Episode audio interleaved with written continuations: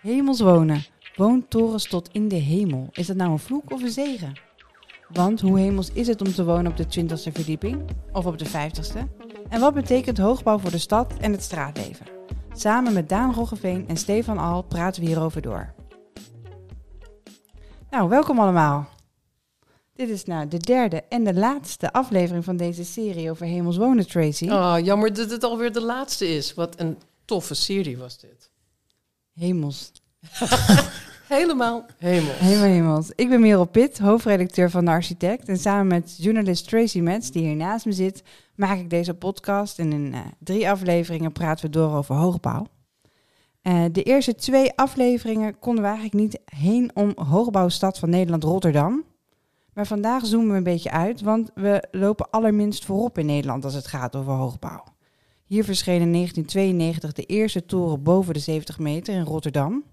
Maar eh, in veel andere steden, zoals in Azië en Amerika, is er sprake van een ware hoogbouwtraditie. En wat is nou voor jou de hoogbouwstad ter wereld, eh, Tracy? Ik als Amerikaanse kan natuurlijk niet om de oerhoogbouwstad van Amerika heen, Chicago. Heb je daar gewoond? Ik heb daar nooit gewoond, eh, voornamelijk omdat de winters daar echt verschrikkelijk zijn. Maar de architectuurcultuur is, is heel levendig en ze zijn echt uh, uh, de bakermat van hoogbouw in Amerika. En uh, die gebouwen worden gekoesterd, de hoogbouwtraditie wordt gekoesterd. Het is hip en hot en iedereen wil daar graag wonen. En het is ook gewoon een hele leuke stad. Ben je het eens, Daan? Zeker, zeker. Um, ik denk dat het... Um, ja, Chicago is een hele inspirerende stad ook wat betreft de hoogbouw. Dus de hoogbouw is op een bepaalde manier ook echt wel onderdeel van het cultuurgoed. Dat is denk ik interessant bij Chicago. Dat het niet alleen uh, gaat over wat is het hoogste gebouw, of, maar die, die, er is echt een traditie van het maken van hoge gebouwen. En daarin is die stad gewoon heel erg uitgesproken natuurlijk. Ja, dat is heel leuk. En Stefan, ken jij de stad goed? Jazeker. Uh, ja, ik ben zelf natuurlijk uh, New Yorker, maar Chicago, wat het leukste daarvan aan is, dat een van de be beroemdste van Chicago, als je erheen gaat, is een architectuurtour. Uh, dat, dat, is op een boot en dan ga je langs al die uh, zeg maar modernistische iconen en ook de, more, de, de, de, meer recente uh, woontorens van, van Jean Gang bijvoorbeeld, ga je langs. En echt, het is ontzettend populair. Ik ken geen andere stad ter wereld waar architectuurtoerisme zo groot is. Dus dat is wel heel bijzonder. Nou, zeker. Wat nou leuk is voor de luisteraars, want we praten vandaag uh, door over hoogbouw. En Daan zit tegenover Tracy en mij, maar Stefan zit gewoon in New York. Dus we praten uh, deels op afstand uh, over deze podcast. En ik verwacht dat we vandaag het ook zullen hebben over Shanghai, Hongkong, Singapore, Vancouver en Amsterdam. En Tracy, kan jij misschien wat vertellen over onze gasten? Wat hebben ze allemaal al gedaan? Ja, oh, we gaan echt de hele wereld over vandaag. Geweldig. Daan Roggeveen is oprichter en creatief directeur van Moore Architecture, bureau voor onderzoek en architectuur. En je hebt kantoren in Amsterdam en Shanghai. Zeker. Als ik het goed heb, na tien jaar ben je teruggekomen naar Nederland. Klopt, ja. Oké. Okay. Uh, je hebt een aantal gebouwen gerealiseerd in China. Een mixed-use gebouw Jiang Island en de galerie Bank in Shanghai. En het museum Ginkgo Gallery. Je werkt nu aan een project in Rotterdam en de transformatie van Amsterdam Nu-West. En je bent ook bekend om je boeken, ook met geweldige titels. How the City Moved to Mr. Sun, China's New Megacities, samen met Michiel Hulshoff. En ook een heel mooi project, The Amsterdam Agenda, 12 Good Ideas for the Future of Cities. Je schrijft ook columns voor Domus, Vastgoedmarkt en Architectenweb. En eigenlijk mogen we dat niet noemen hier, maar je hebt daar ook een podcast over hoogbouw. Zeker. zeker. Ja, dus we konden niet om hem heen dan toch maar de concurrent uitnodigen. Hè? Ja. Nou, heel genereus. Ja. Nou, en gewoon omdat je veel te vertellen hebt.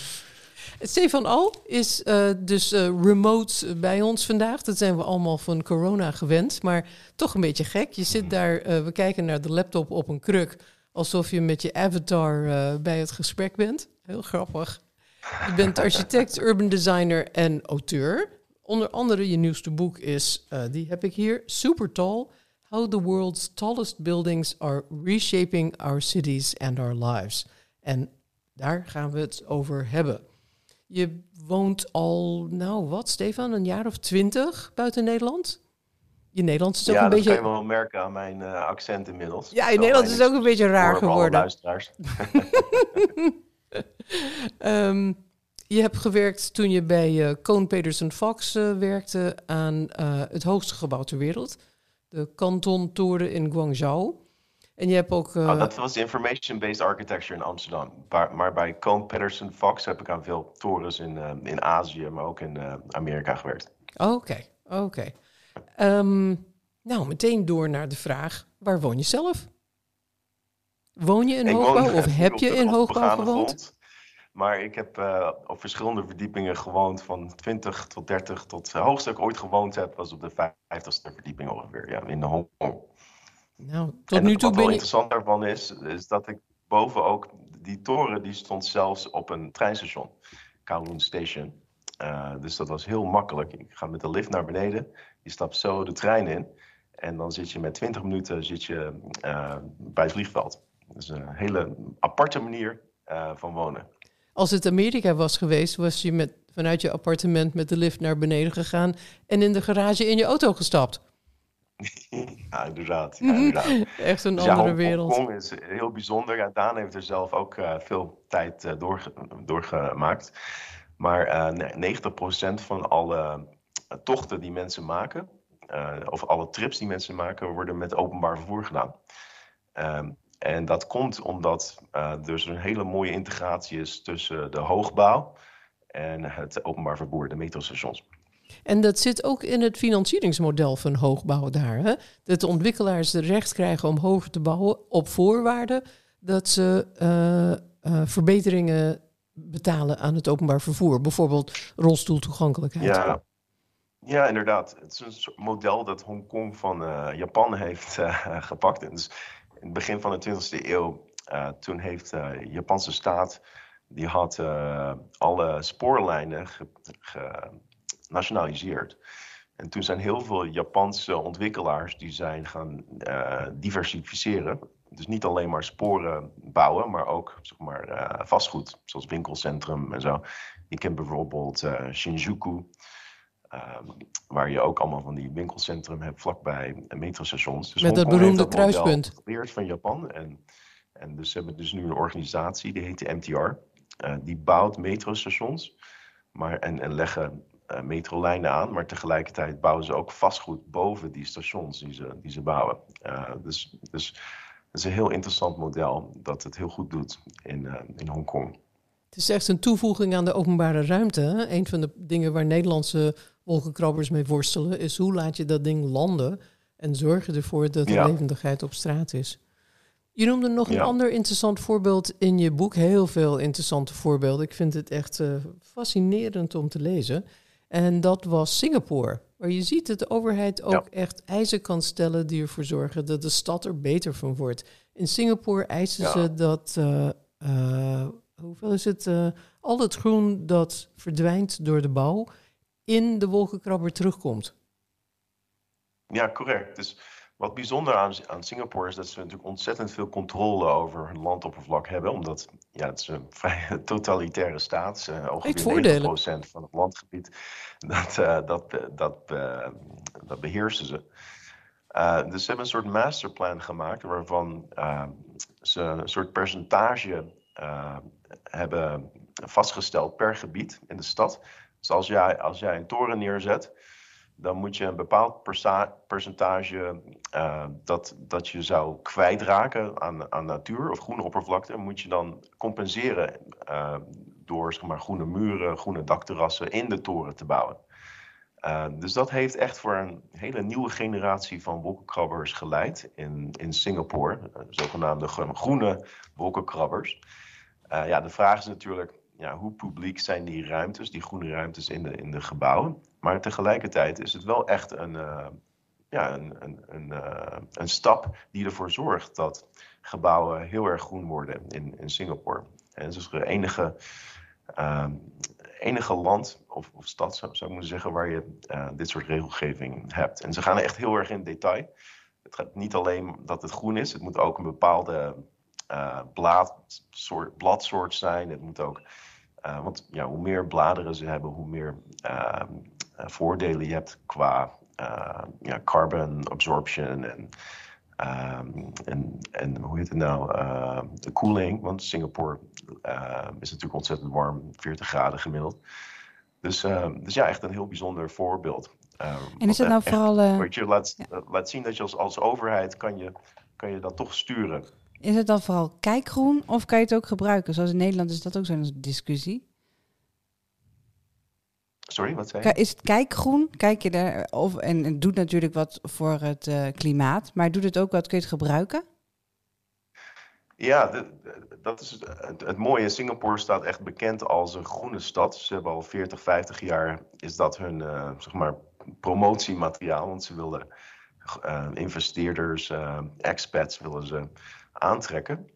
Maar er zijn dus heel veel voorbeelden van ook wolkenkrabbers. Uh, uh, de Pinnacle Daxton bijvoorbeeld, waar je uh, groene dakterrassen hebt, waar, waar mensen gaan joggen s ochtends tussen de bomen. En uh, wat wel bijzonder aan dat voorbeeld is bijvoorbeeld, de, de Pinnacle. Als je er naar kijkt, dan ziet het eruit alsof het een vrij duur woningcomplex is. Maar het is sociale woningbouw. Uh, en het zijn echt zeven torens die allemaal met elkaar verbonden zijn met, met ik geloof, twee dakterrassen. één op de bovenste verdieping en één in het midden. Uh, maar ja, dus, dus, dus, dus dat laat zien dat hoogbouw niet noodzakelijkerwijs zeg maar, luxe hoeft te zijn. Het kan dus ook gewoon voor sociale woningbouw. Nou, daar komen we. Oh, sorry, Dan. Nee, dat vind ik een fascinerende opmerking. Want ik denk dat dat is inderdaad uh, in de huidige discussie over hoogbouw. En zeker, uh, volgens mij hebben jullie eerder al gasten gehad die het ook hebben gehad over de haalbaarheid van hoogbouw. En de, met name de toenemende bouwkosten. Is dat denk ik een heel belangrijk uh, discussiepunt. Uh, van worden, zijn woontorens, zijn dat symbolen van, van de, de ontoegankelijkheid? Of zijn het emancipatiemachines? En zo zijn ze natuurlijk, het modernisme dacht natuurlijk ooit over massawoningbouw als we verdichten en we maken hoogbouw, juist om goed wonen voor iedereen toegankelijk te maken. En op een bepaalde manier is dat de laatste decennium in Nederland ongelooflijk omgedraaid, waarbij we dus torens als soort van beleggingsobjecten zijn gaan zien die met name toegankelijk zijn voor uh, ja, mensen met de, de allerhoogste inkomensgroepen. Maar het is ook toch zo duur om hoog te bouwen? Nee, dat klopt. Dus daardoor, maar dat, dat, dat is ook zo. Maar het is heel opmerkelijk dat in Azië uh, hoogbouw toch met name bedoeld is om de, massa te huisvesten. Terwijl we er in Europa toch echt op een andere manier te En hoe kan dat? Ja, ik denk dat dat te maken heeft met de verhouding, dat, misschien dat Stefan er meer van weet, maar de verhouding tussen de grondkosten en de bouwkosten, die is in Azië op veel plekken veel anders dan in Nederland. In Japan en in Tokio, of sorry, in Japan en, en China zijn in veel gevallen de grondkosten veel hoger. Dus dan is het niet zo erg als je bouwkosten ook wat hoger zijn. Omdat je, dus de, ik denk dat het daar voor een deel mee te maken heeft. Uh, een deel ook wel met de traditie. Dus we, hebben gewoon, we zijn toch ook niet zo goed in heel hoge, hele hoge gebouwen maken in Nederland. Omdat we gewoon simpelweg niet, niet zoveel ervaring mee hebben. Dus ik denk dat het daar, daar ook wel mee te maken heeft. Kun je daar iets over zeggen, Stefan? Ja, in, in Singapore was het een, um, een overheidsbeslissing om hoogbouw te doen omdat uh, ja, je hebt natuurlijk een, uh, een stad, maar het is eigenlijk een land van 5, 6 miljoen mensen.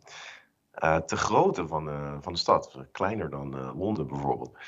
Dus hoe ga je daarmee om? Je kan niet iedereen in een rijtjeshuis of, of een villa laten wonen. Dus, dus de staat is heel be bewust, hebben ze hoogbouw ehm, gepromoot. En zelfs zeg maar, boeren die hiervoor uh, op in een boerderij wonen. Die zijn dus allemaal naar, naar woontorens uh, verhuisd. En er zijn wel interessante anekdotes over dat ze hun koeien uh, de lift in, in hebben geholpen, zeg maar 40 jaar geleden.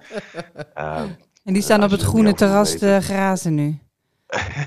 ja, maar dat heeft, ja, ja, heeft de overheid gedwongen. Maar tegelijkertijd, voor, de duurzaamheid, heeft dat wel voordelen gehad. Omdat ja, Singapore uh, was natuurlijk altijd afhankelijk van Maleisië voor uh, water bijvoorbeeld. Uh, maar die relatie met Ma Maleisië is natuurlijk heel problematisch. Op een gegeven moment heeft de prime minister van Maleisië gezegd: ja, als we ooit een probleem met Singapore hebben, dan gaat die watertap die gaat dicht. dus sindsdien hebben ze allemaal ja, al, al hun groene gebieden gebruiken ze dus als een soort spons om, om water uh, op, te, op te vangen en uh, om, om de bevolking van, uh, van water te voorzien. Dus als je, dat kan alleen maar met hoogbouw natuurlijk. Als je, als je dat niet doet, dan heb je geen groene ruimtes meer. Dus dat is een groot voorbeeld van hoogbouw, is dat je andere ruimtes kan bewaren voor andere functies. Ik heb een uh, interview gemaakt met een bureau in Singapore dat veel van die groene wolkenkrabbers maakt, WOHA. En een van de argumenten die zij noemde was de biodiversiteit, wat we tegenwoordig natuurinclusiviteit noemen.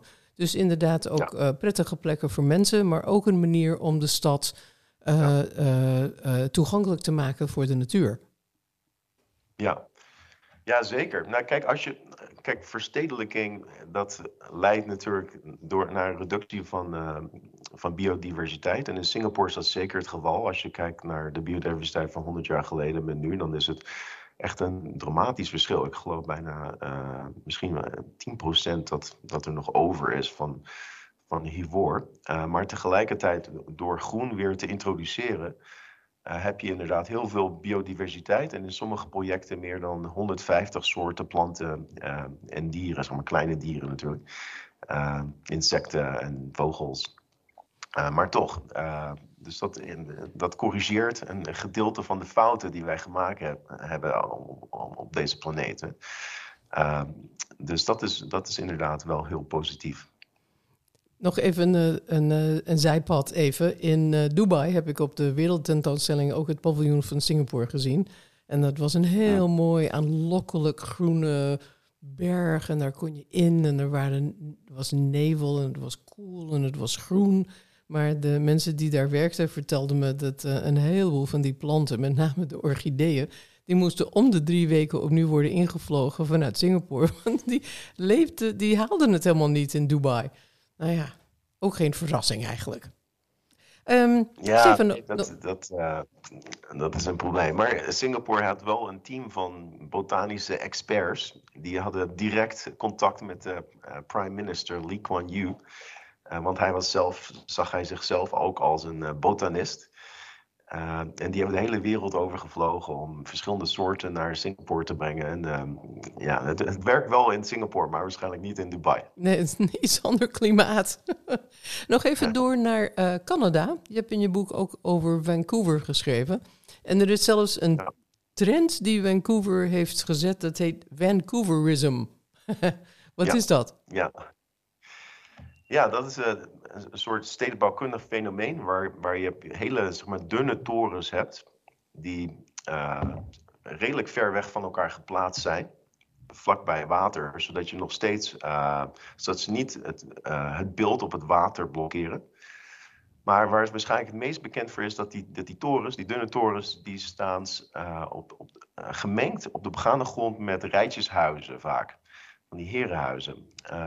en soms ook winkels. En en daardoor combineer je zeg maar, de efficiëntie van dichtheid met de menselijke maat van uh, die rijtjeshuizen. En vaak zijn die torens ook een beetje eh, van de straat geplaatst, zodat je ze soms niet eens ziet. Als je langs die rijtjeshuizen loopt, dan, dan zie je niet eens die, uh, die wolkenkrabbers. Dus, dus dat is een model dat, dat ze Vancouverisme genoemd hebben. Je hebt het niet overal in de stad, in een paar gebieden.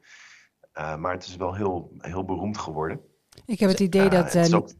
Ik heb vooral het idee dat Nederlanders daar echt uh, aan refereren als ze aan hoogbouw denken. Ja, inderdaad. Want ja, wij hebben natuurlijk een historische laagbouwstad. en we willen dat ook dat, dat bewaren. En, en ik denk dat ja, het, het Vancouver-model wel heel relevant is. Dus dat je die twee typologieën, rijtjeshuizen en torens uh, kan combineren. Dus dat is de... echt iets waar Nederland iets van kan leren? Ja, absoluut. Nou, er zijn natuurlijk ook wel wat minder dingen aan, aan Vancouver. Als je kijkt naar de architectuur, het is allemaal van die glazen torens. Dus het voelt een beetje uh, corporate, een beetje ja, out of date. En ik denk dat we dat in Nederland veel beter kunnen met, uh, met andere materialen. een ander, een ander een andere kritiek op Vancouverisme is dat het ook vrij. Uh, vrij al, de meeste van die appartementen zijn heel erg luxe en het voelt een beetje steriel. Dus ik denk dat uh, ja, we kunnen dat model, model verbeteren als we ook zeg maar, sociale woningbouw invoegen en de architectuur van de torens wat beter maken. Maar ik denk dat Nederlandse architecten daar absoluut goed geschikt voor zijn. Dus daar maak ik me geen zorgen over. In, je, in het begin van je boek heb je het over de technische innovaties in de wolkenkrabbers. Je boek heet Super Tall. Dat zijn eh, helemaal in New York de hele dunne, hele dure nieuwe wolkenkrabbers. En die zijn alleen mogelijk doordat er een lichter soort beton is uitgevonden. Doordat er nieuwe soorten liften zijn. Ja. Zit er nog steeds een grens aan hoog, hoger, hoogst? Ja, ik denk de, de grootste grens is eigenlijk onze menselijke limitaties. Bijvoorbeeld als je, als je eh, boven zeg maar 300, 400 meter komt, dan voel je namelijk dat eh, het gebouw schudt in de wind. En dat is heel normaal dat het gebeurt, want als het niet schudt en het blijft vaststaan, dan, dan zouden er dingen kunnen breken. Dus je hebt een beetje, eh, moet die windenergie naar kinetische energie worden omgezet. Net zoals Eh, met de vleugels van dat- een vliegtuig. Ja, inderdaad. Dus er moet een beetje eh, beweging in zitten. Want als dat er niet in zit, is dat heel gevaarlijk. Maar eh, het probleem is dus als wij meer dan zeg, ongeveer een meter bewegen, van links naar rechts, of de bovenste verdieping, dan voelen we ons, eh, nou, dan kunnen we snel ziek worden. Dat, wat wel interessant is, dat dit een groter probleem is voor woontorens en minder voor kantoorgebouwen. Omdat wij in kantoorgebouwen wat meer afgeleid zijn met werk. Dus idealiter zijn we aan het werk en, en kijken staren we niet naar ons, eh, ons, ons glas met water en dan zien we dat, dat het niveau van het water verandert. Eh, dus dat is één, één ja, beperkende limiet. Nou kan je dat wel verminderen. Dus bijvoorbeeld een techniek dat heet een tuned mass damper. Dus de meeste van die torens hebben het allemaal een soort tegengewicht. Het gaat precies de andere kant op als, eh, als een gebouw naar, een ander, naar één kant wordt gewaaid. Dus dat, dat eh, herstelt een beetje die, eh, eh, die beweging. Dat zwiepen. Dus dat, dat bestaat wel. wel. Eh, maar over het algemeen is dat eh, een groot probleem. Ik zag ze zitten in de doorsnede van de supertol van Shop Architect in New York. Die publiceren wij. Aaron Betsky schreef er een, ehm, een review over. En hij zegt, ja, moeten we dit eigenlijk wel willen? Want er zit zoveel eh, geld in en, ehm, en materiaal en om dit te doen. En de allerrijkste kunnen daar wonen. Ehm, Ja. Wat vind jij daarvan, moreel gezien? Moeten we zulke grote torens wel willen bouwen? Hoge torens? Ja, ik, ik bedoel, het zou een probleem zijn als er heel veel van die torens zouden komen. En, eh, maar ik denk, eh, een stad moet die diversiteit kunnen, kunnen aanpakken. zodat, zolang er, als het maar veilig is. Eh, ik vind het een hele mooie toren. Ik, wat wel bijzonder is aan die toren namelijk, is dat het eh, niet glas is, maar het is eh, Terracotta, ja, hè? Hele mooie, hele mooie terracotta façade. Ik vind het ook een hele, hele mooie vorm.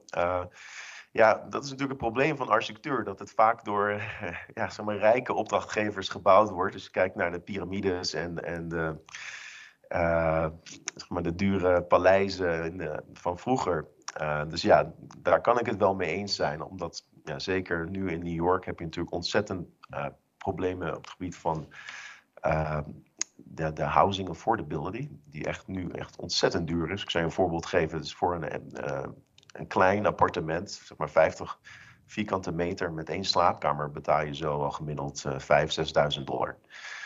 Dus, dus ja, ik kan me absoluut voorstellen, dus als mensen dan die grote torens zien die enorm hoog gaan en, en ook ja, heel veel eh, dingen, zeg maar resources gebruiken om die torens te, te Ja. maken. Ja, dan kan ik me best voorstellen dat dat eh, een probleem is. Maar tegelijkertijd echt- zijn ook voorbeelden. Sorry? Nou, ik was onder de indruk ook van de plattegronden. Ze hebben dus ook geen. nou, ze hebben een woonkamer, maar ze hebben ook een grand hall eh, in huis. En daar, daar, daar staat gewoon. Het is enorm, de plattegrond. Ze hebben gewoon twee verdiepingen per, per woning ook. En het- eh, ze hebben vier badkamers. En eh, het is eh, bizar, dacht ik toen. Ja. Ja, ja, het is een soort functie van de inkomstenverdelingen die je hebt in, in Amerika. Dus je hebt veel meer, minder nivellering dan dat je hebt in, in, in Nederland. Dus een soort Ja. reflex, representatie van, van daarvan. In Nederland heb je, als je bij de ka- kassa staat in Albert Heijn, dan verdien je natuurlijk minder dan iemand bij een bank. Maar eh, dat verschil in Amerika is misschien honderd, misschien duizend keer. En Nederland, en Nederland bouwt niet voor de ultra-rijken. Ehm, nee, inderdaad. Tot slot, eh, Stefan, nog één vraag. In je boek hou je een pleidooi voor humble hoogbouw. Jij zegt eigenlijk is 30 verdiepingen wel genoeg. Ben je van je geloof Ja. gevallen? Sorry? Ben je van je geloof gevallen? nee, het is, kijk, de, het, supertals zijn natuurlijk heel interessant om over te schrijven, omdat ze heel hoog zijn en, een soort technische kunst van onze beschaving laten zien, wat we allemaal kunnen. Maar, maar als je praktisch kijkt van wat, wat is nou een duurzaam model voor de meeste van onze steden, dan hoeven we natuurlijk niet zo hoog te bouwen. Maar dat betekent niet dat hoogbouw niet goed is voor onze stad. Uh, sterker nog, ik geloof heel erg in hoogbouw. Om, juist omdat we dus ruimtes kunnen bewaren voor andere dingen. Voor groen, voor natuur, voor landbouw. Dus ja, voor mij is hoogbouw echt een, van meerdere oplossingen die we hebben in ons arsenaal voor, voor duurzame steden nou is dan de vraag, hoe gaan we dat bouwen? Hoe hoog? Nou, het liefst uit hout bijvoorbeeld, cross-laminated timber. Het liefst met façades die niet van uh, glas zijn, maar die ook zeg maar, de zon stoppen, zodat het geen uh, microwave wordt, waar je constant airconditioning moet gebruiken. Ehm, dus, dus ja, ik, ik denk dat dat ehm, voor Nederland een heel belangrijk ja, oplossing zou kunnen zijn in verschillende steden. Dus dus ja, ik denk dat dat een, ehm, een uh, ja, heel positief is. Voor, ja, en veel te leren uit uh, andere steden in de wereld, waar dit de gewoonste zaak van de wereld is. Ja, wereld. Zeker, ja. Nou, dankjewel Tracy. Ik dacht, uh, wij weten het al, maar de luisteraars misschien nog niet. Daan en Stefan kennen elkaar, hè? Daan? Jullie hebben samengewerkt toen jij in Shanghai woonde. Ja, ja we waren allebei uh, werkten aan de University of Hong Kong. Dus ik zat, Stefan werkte in Hongkong en gaf daar les. En ik werkte aan de dependance die de school in Shanghai had. Dus uh, die manier kennen we elkaar al. Kennen jullie elkaar al, ja. Ik vind het uh, leuk dat jullie hier allebei hebben, want allebei werken jullie volgens mij jullie hele professionele leven al aan uh, hoogbouw en hebben jullie grote fascinatie voor. Jij hebt tien jaar lang in Shanghai gewoond, vertelde je net. En hoe woonde je daar? In hoogbouw neem ik aan. Zeker, ja. Dus ik heb eigenlijk tien jaar lang in hetzelfde complex gewoond, maar we zijn een paar keer van, een, van de ene toren naar de andere verhuisd. Maar, en, en we zijn inmiddels? Dat begon ik en mijn vrouw, maar dat werden op een gegeven moment mijn vrouw en ik en de kinderen, mijn twee kinderen. Ja, dus die zijn geboren en getogen in Hoogbouw. Zeker, ja. Dus ik kan me herinneren, dus wij zijn uh, vijf jaar geleden is mijn vrouw met de kinderen naar uh, terug verhuisd naar Amsterdam. En ik ben een paar jaar later gevolgd. En uh, een van de eerste keren toen we door Nederland reden, vroeg mijn dochter, terwijl we dus over de A2 reden, de snelweg, papa, waarom is in Nederland alles zo laag? Ja. Dat was echt een van haar eerste vragen toen ze in Nederland aankwam. Dus dat was wel opmerkelijk. En, en een van de andere dingen die ik me wel realiseerde is dat uh, ze op een gegeven moment uh, het fascinerend vond dat mijn ouders die wonen in een vrijstaand huis, een grondgebonden woning. En uh, ze omschreven dat als het idee dat je dus dat, ja, dat die geen lift hebben. Dus je, je loopt het huis in en dan ben je meteen in het huis. Dus als je de deur open doet, ben je meteen in het huis. Je, je hoeft niet binnen. eerst omhoog. Dat was voor hun echt een, een ja, een eye-open, weet je wel. Ongelooflijke ervaring van dat dat ook kan. Die werkelijkheid kenden ze helemaal nee, niet. Nee, nee, dat is heel grappig. En nu woon je weer in Nederland, in Amsterdam? Zeker. Ja. In hoogbouw? Nee, in een, uh, uh, ja, wat een urban villa heet, dus een appartementengebouwtje. Okay. De tweede verdieping, dus dat is niet, uh, dat is niet buitengewoon hoog. Nee. En um, even kijken hoor. Het is duidelijk hè, in Nederland, we moeten verdichten. Jij schrijft dat ook in een artikel wat je hebt gemaakt voor de architect. En een van die, uh, ja, als we willen doen, voldoen aan de ruimtevraag en ook als we duurzaam willen omgaan met uh, de ruimte die er is ja. en met onze middelen en voorzieningen en alles, dan moeten we dus een, om de hoogte in. Maar willen we eigenlijk in Nederland wel de hoogte in? Nou, dat is een goede vraag. Ik denk dat er dus de laatste twee jaar een soort van polemiek ontstaan in Nederland tussen die, die miljoen woningen, dat, dat, dat virtuele getal wat dan boven de markt uh, zweeft, die miljoen woningen die erbij zouden moeten komen, waar moeten die dan komen? En dat is een soort, uh, inderdaad, een polemiek. Dus, dus de, de, markt en de bouwers die roepen, doe maar in de wei, want dat gaat het snel. En dan kunnen we snel rijtjeshuizen stampen. En, dat en, en over het algemeen zeggen bestuurders, nee, dat willen we binnenstedelijk oplossen, want dat is duurzamer en dat is efficiënter. En dan sluiten we aan bestaande infrastructuur enzovoort. Het is natuurlijk niet of het een of het ander. Maar ik ben, ik ben er persoonlijk wel voor dat je zegt, laten we zoveel mogelijk doorbouwen op bestaande infrastructuur. En dat doen binnen stedelijke condities. Zodat we waarde toevoegen aan de steden. Kwaliteit toevoegen aan de steden. En niet in het buitengebied dat doen. Ja, en hoe kan het dan toch dat we dan niet met z'n allen naar, die bui naar buitenland kijken en denken van dat, zo moeten we dat gaan doen? Nou, het is interessant dat je zegt, jullie noemden net van, hè, in Nederland wordt veel naar Vancouver gekeken. Op een bepaalde manier is een soort obsessie met, met uh, uh, Vancouver en Toronto als het gaat om hoogbouw. Ja. Wat heel curieus is, want zeg maar, uh, het gebeurt niet meer in het westen, het gebeurt in het oosten. Dus alle hoogbouwproductie, of de, voornaamste hoogbouwproductie vindt eigenlijk plaats in Azië en nauwelijks nog in, in de Verenigde Staten en al helemaal niet in Europa. In dat artikel in de Architect, Daan, wil ik even die uh, statistiek noemen die Ja. je daar ten beste gaf. Want daar keek ik echt van op. Op de lijst met de 50 hoogste gebouwen ter wereld, dat wil zeggen hoger dan 350 meter, zijn er maar zes Amerikaanse wolkenkrabbers op die lijst. En Europa ontbreekt op die lijst volledig. Ja. Dan, gaat het, dan gaat het dus ook wel echt over het thema van uh, Stefan. Hè? Dus een super building. Die, die hebben wij in Nederland niet eens.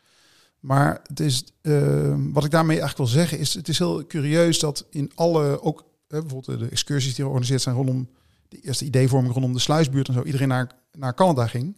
En helemaal niet naar Hongkong of, of Tokio of Shanghai enzovoort. Terwijl dat veel logischer zou zijn geweest... omdat die traditie daar op dit moment veel urgenter is. Hè. Je kan zeggen, Amerika heeft een langere uh, hoogbouwtraditie... maar die in Azië is zeker...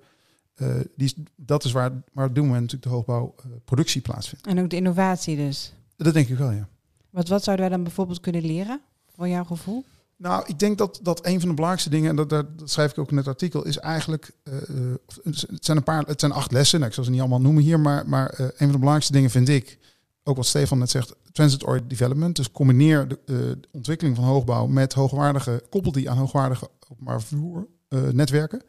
En laat ook de grondwaardestijging die ontstaat door die hoogbouwontwikkeling, betalen voor het openbaar vervoer. Dus zoals, die, zoals ze dat in Hongkong doen, zoals ze dat in Japan doen, dat moeten wij in Nederland ook. Maar dat proberen ze natuurlijk in Rotterdam en Amsterdam nu ook te doen. Ja, ten dele. Want als je ziet, kijk, Sluisbuurt is natuurlijk een, een hoogbouwwijk zonder tramhalte. Ja. dat is natuurlijk krankzinnig. Dus op een bepaalde manier willen we daar 5000 uh, of 6000 woningen laten landen.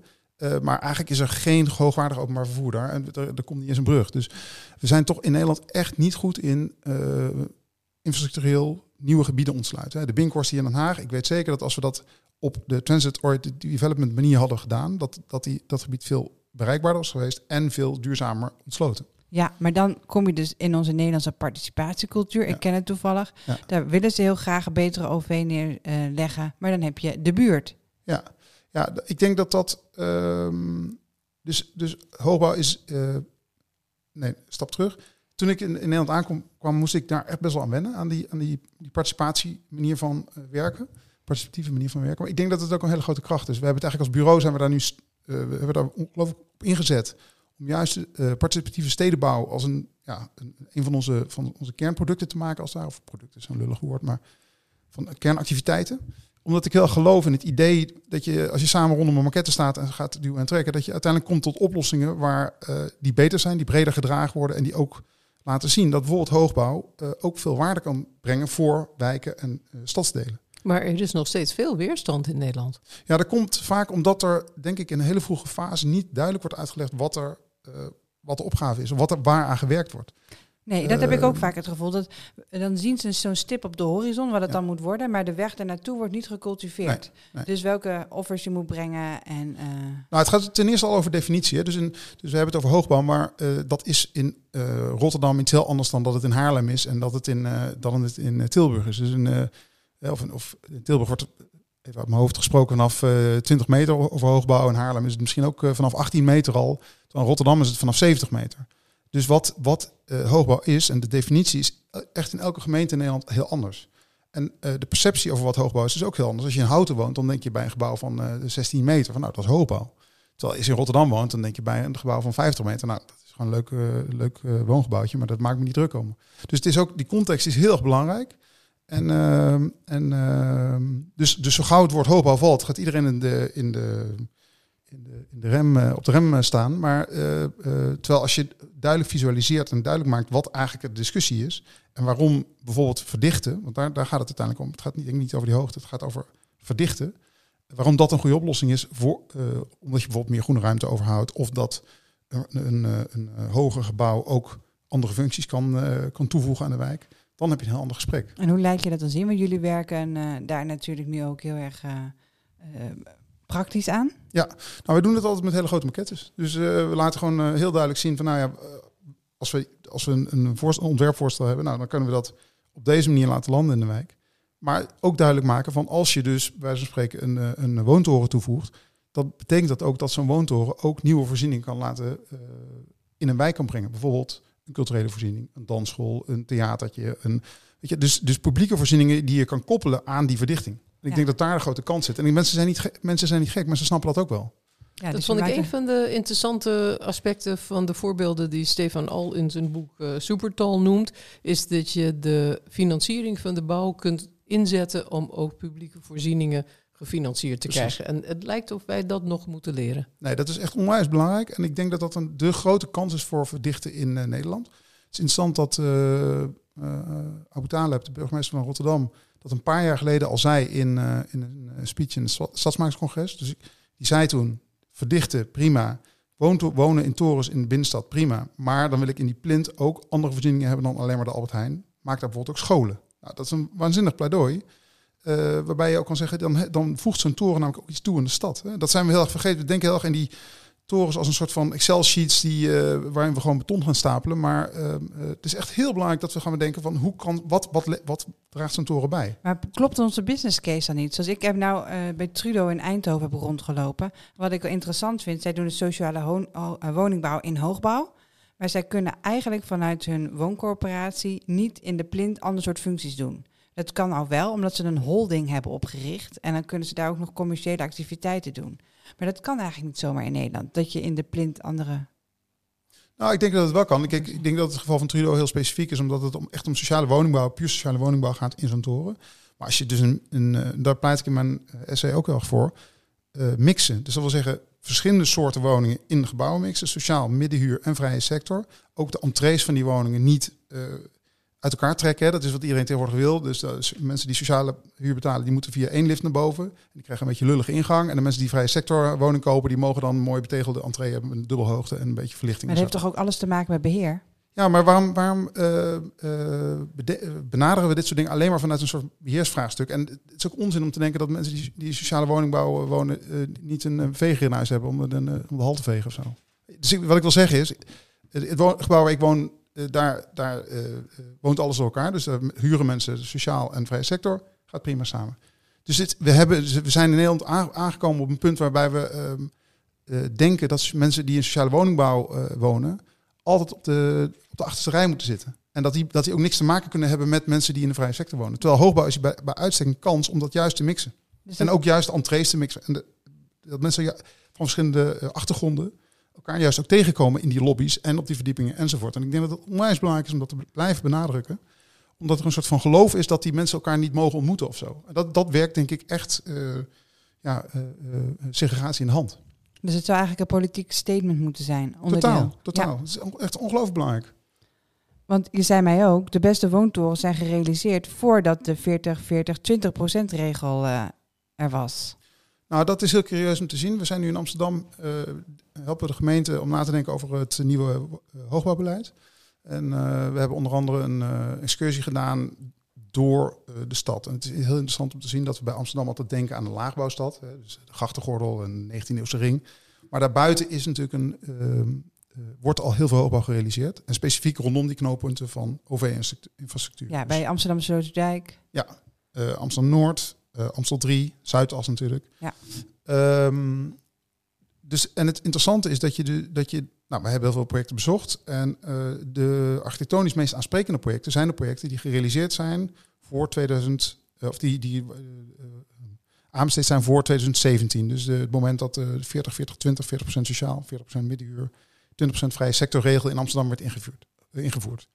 Ehm, daarvoor, daarna, daarna is het, lijkt het moeilijker te worden om heel eh hoogwaardig kwalitatieve torens te maken eh, met zo'n mix. Terwijl dat, dat is natuurlijk uiteindelijk gewoon de uitdaging. Hoe zorgen we dat we huisvesting maken voor alle doelgroepen in een meer dichte eh, omgeving? Ik denk dat dat de, uitdaging is. En ik denk dat dat ook de, de, uitdaging is voor, voor niet alleen voor ontwikkelaars, maar ook voor, voor beleggers specifiek. We moeten beleggers daar heel goed bij betrekken. Die hebben daar een heel belangrijke rol in.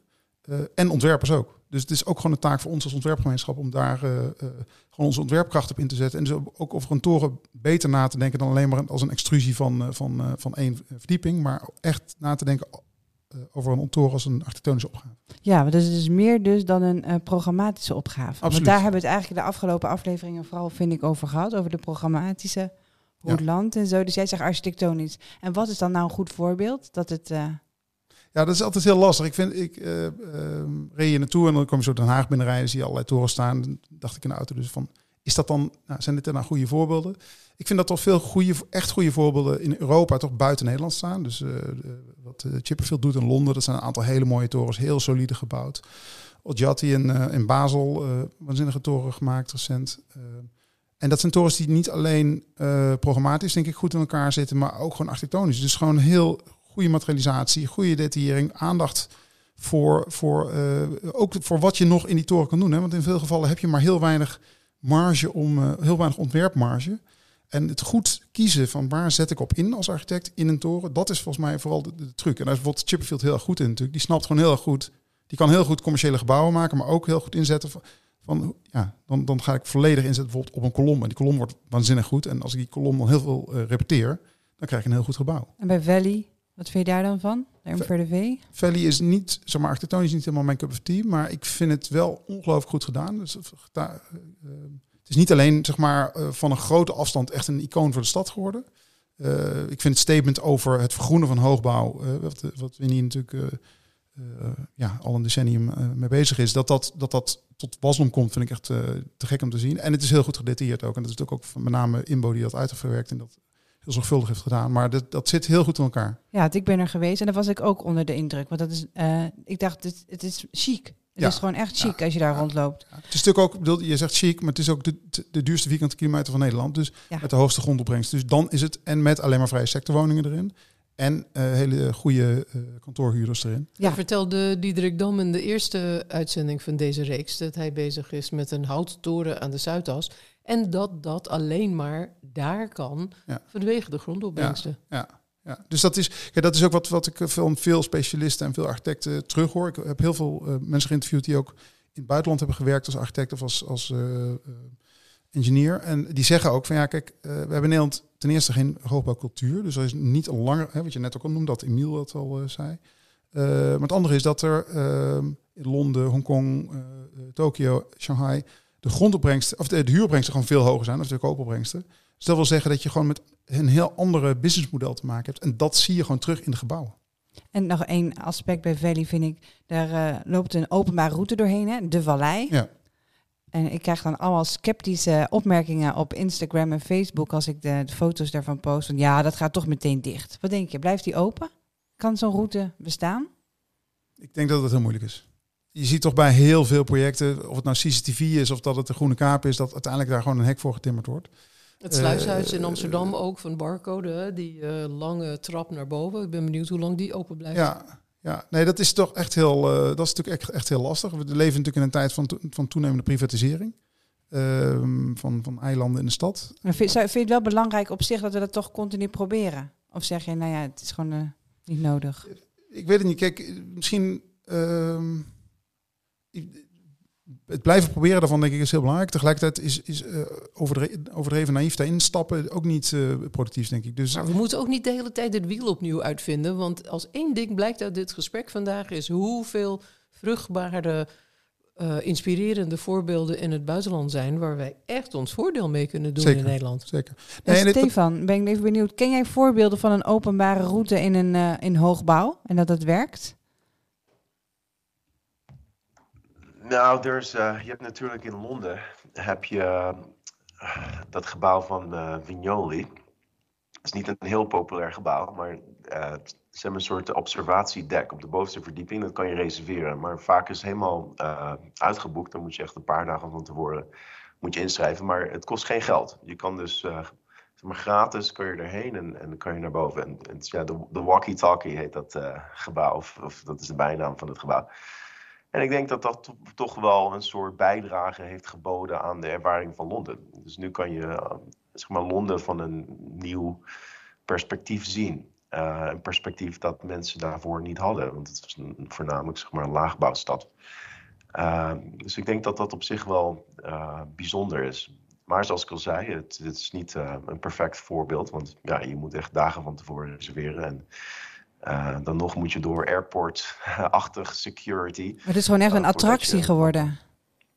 Ja, inderdaad. Ja. Ja. Maar als je kijkt naar sommige andere van dat soort observatiedecks, zoals in New, in New York bijvoorbeeld, kost het 100 dollar om daar naar boven te gaan. Weet je? En, uh, dus dat is wel bijzonder dat je dat toch gratis kan doen. En wat interessant is aan het voorbeeld is dat de stedenbouwers hebben dat onderhandeld met de ontwikkelaar. Omdat eigenlijk mochten ze niet zo hoog bouwen op, op dat kavel. Uh, en toen hebben ze gezegd, oké, maar dan gaan wij zo'n groene, groene openbare tuin bovenop uh, op de toren zetten. En dus uiteindelijk uh, ja, is dat gelukt. En, en ja, het bestaat nog steeds en je kan er nog steeds in als je wil. Ja, je kan je denk ik ook afvragen of het ehm, altijd nodig is om een zo'n openbare ruimte volledig publiek te maken. Dus als je een wooncomplex hebt waar 400 mensen of 400 woningen in zitten, dus er zitten misschien 800 mensen in. Um, dan is dat en, en, en dat die, die 800 mensen kunnen die, die binnentuin uh, daar, daarin die is die binnen daar is toegankelijk voor die 800 mensen. Dan is die al semi-publiek. En een gesloten bouwblok in Amsterdam is ook niet toegankelijk voor de mensen die op straat lopen. Dus in die zin uh, we praten altijd heel erg over um, het idee van de open stad. Maar eigenlijk zijn onze uh, steden traditioneel gezien helemaal niet zo open, de Europese steden. Uh, dus de straat is het publieke domein. En wat er in die binnentuinen gebeurt, is niet publiek. Dat is misschien gedeeld voor bewoners. Dus ik denk dat, dat we op die, in die zin moeten we ook hoogbouwcomplexen op die, op die manier lezen. Ja, precies. een nieuwe manier van samenleven. En ik vroeg me nog even af, tenslotte, Daan. je werkt nu in uh, Amsterdam aan uh, daadwerkelijke projecten. Wat hoop je nou hè, over tien jaar, wat er nou staat van jou? Oh, dat is een hele goede vraag. Ja, we zijn uh, doen we bezig met zowel ehm, architectuur, maar ook vooral veel stedenbouw. ja, ehm, want hoogbouw is ook eigenlijk een stedenbouw. Ja, dus we werken aan een aantal stedenbekundige verdichtingsopgaven, onder andere in Amsterdam-Noord, het Parkslotermeerplein. Een hele complexe puzzel waarbij er bovenop een winkelcentrum een groot aantal woontorens moeten worden gerealiseerd. En we helpen de gemeente daarbij het, uh, met het stedenbekundige kader. Um, ik, als je het hebt over tien jaar, dan hoop ik dat dat in, uh, in beweging is gekomen. Dat, is een, uh, dat, dat lijkt me ontzettend spannend. En Buikslotermeerplein is ooit bedacht als knooppunt van openbaar vervoer. Dus zeker. Misschien zeker. dat dat terug kan komen. Want zeker. we weten nu allemaal, zeker als we Stefan hebben gehoord, wat een goed idee dat is. Ja, absoluut. Nee, dus we koppelen dat. daar is natuurlijk de grote kans dat je het eindpunt hebt van de metrohalte. En daar rondom dat, metro, rondom dat knooppunt wordt, wordt serieus verdicht. Um, we zijn bezig met veel na, uh, verdichting in naoorlogse uh, woonwijken. Ik denk dat daar een ontzettende kans ligt voor een verdichtingsslag. Hè. Dus de, de kans die, die de modernistische stedenbouw biedt, is echt nog wel verdichten binnen de bestaande stad. Maar doorbouwend op sociale op bestaande structuren. Dat is denk ik een uh, ontzettende kans. Um, ja, en we hebben recent samen met Studio Nauta een hoogbouwproject gewonnen in Rotterdam. Hoe hoog? Dat is nog een beetje de vraag, maar daar zijn we nog mee bezig. Um, wordt, dat, wordt dat humble hoogbouw of wordt dat weer een enorme toeter? Nou, het wordt vooral een hoogbouw waarin we de, de acht lessen uit mijn essay gaan uh, toepassen. Um, dus je gaat niet de stellage van de Zalmhaventoren gebruiken. Die staat, die staat klaar, ja. Ja, die staat klaar hoor. Staat werkelijk klaar. Ja. ja. nee, nee, nee, dat wordt een ander uh, project, denk ik. Oké. Nou, ik ben heel benieuwd. Dank jullie wel voor dit uh, leuke gesprek.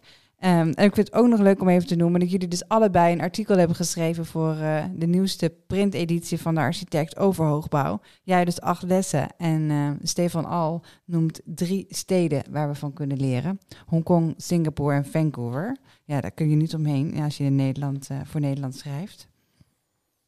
En um, als ik ze hun verhalen hoor, Tracy, dan denk ik wel goh, waarom hebben we in Nederland toch niet meer naar het buitenland gekeken? En ik vraag me dan af, is het eigenlijk met alles in het leven zo dat je het eerst moet ervaren, dat je eerst leergeld moet betalen, zoals Emiel in uh, de vorige aflevering zei, voordat we weten wat we moeten doen? Wat denk jij?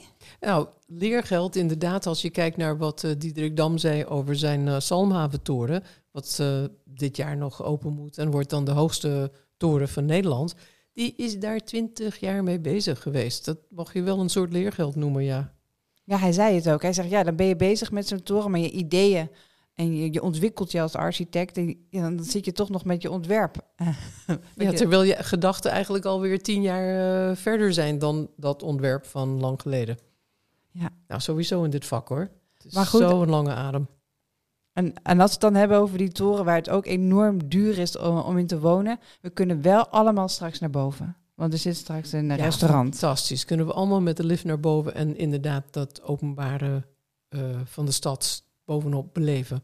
En het is een heel belangrijk en actueel onderwerp, want er zijn al 220 hoge gebouwen in Nederland van meer dan 70 meter hoog. Er zijn nog 180 in de planning. Dus ik hoop heel erg dat we in die 180 ons voordeel kunnen doen met alle ervaring uit het buitenland en dat we niet meer elke keer twintig jaar erover doen. En dat het allemaal zo moeizaam is dat de inspiratie en de goesting eruit is aan het einde van dat hele proces. Ja, ik kreeg wel een beetje buikpijn in de voorgesprekken die ik had vanwege de hoge materiaalkosten nu. Dat iedereen die dan wat ontwerpt en probeert, dan weer terug moet naar de tekentafel om te bezuinigen. En op een gegeven moment kan je natuurlijk niet meer bezuinigen. Dat is een van Daans aanbevelingen, is maak het mooi. Want Ja, dan is het absoluut. duurzamer. Absoluut. Dat, ik denk dat elke architect dat beaamt. Heel goed, dat denk ik ook. maar dat is nog niet zo makkelijk. Nou, deze reeks hebben we afgerond met deze aflevering. Maar op korte termijn, termijn maken wij gewoon een extra reeksje, hè, Tracy. Schudden we even uit onze mouw. Ja, even hup. Ja, en dat is niet dit keer rondom een thema dat centraal staat bij de architect over de opgaves waar architecten, stedenbouwkundigen en interieurontwerpers aan werken. Maar we gaan het even hebben over iets heel anders. Over de werkcultuur bij architectenbureaus. Want daar is nogal wat over te doen, heb ik gemerkt Volgens de worden afgelopen ze- maand. Allemaal afgebeuld. Dat, eh, daar lijkt het op, hè? Daar moeten we het dus over hebben. En toen ik daarover schreef, dat dat zo is, kreeg ik veel telefoontjes. Ja, het, is echt, het raakt mensen enorm, hè? Ja, want ze, ze willen dat toch allemaal graag anders doen. Maar het is helemaal niet zo makkelijk met de competitiecultuur waarin eh, je een architectenbureau moet leiden. Dus er is wat meer nuance misschien dan ik heb geschreven. En daarom nodigen we wat mensen uit om hierover door te praten. Heel leuk, ik verheug me erop. Wanneer... Overigens, overigens, vandaag middel waren dit de enige twee ervaringsdeskundigen in deze reeks die allebei in hoogbouw hebben gewoond. Nou, Irma van Oort ook, maar eh, ze wonen in hoogbouw, maar op de zevende verdieping. Mm. Ja, dus dat ja, niet, telt niet helemaal mee, hè? Zeven, zeven, nee. Begin pas bij 30. Heb je zo hoog gewoond, eh, Daan? 30 niet. 30 niet. Nou, dank jullie wel allemaal. Eh, wanneer de nieuwe reeks precies online komt, is nog niet helemaal duidelijk. Maar houd onze nieuwsbrief, website en socials in de gaten.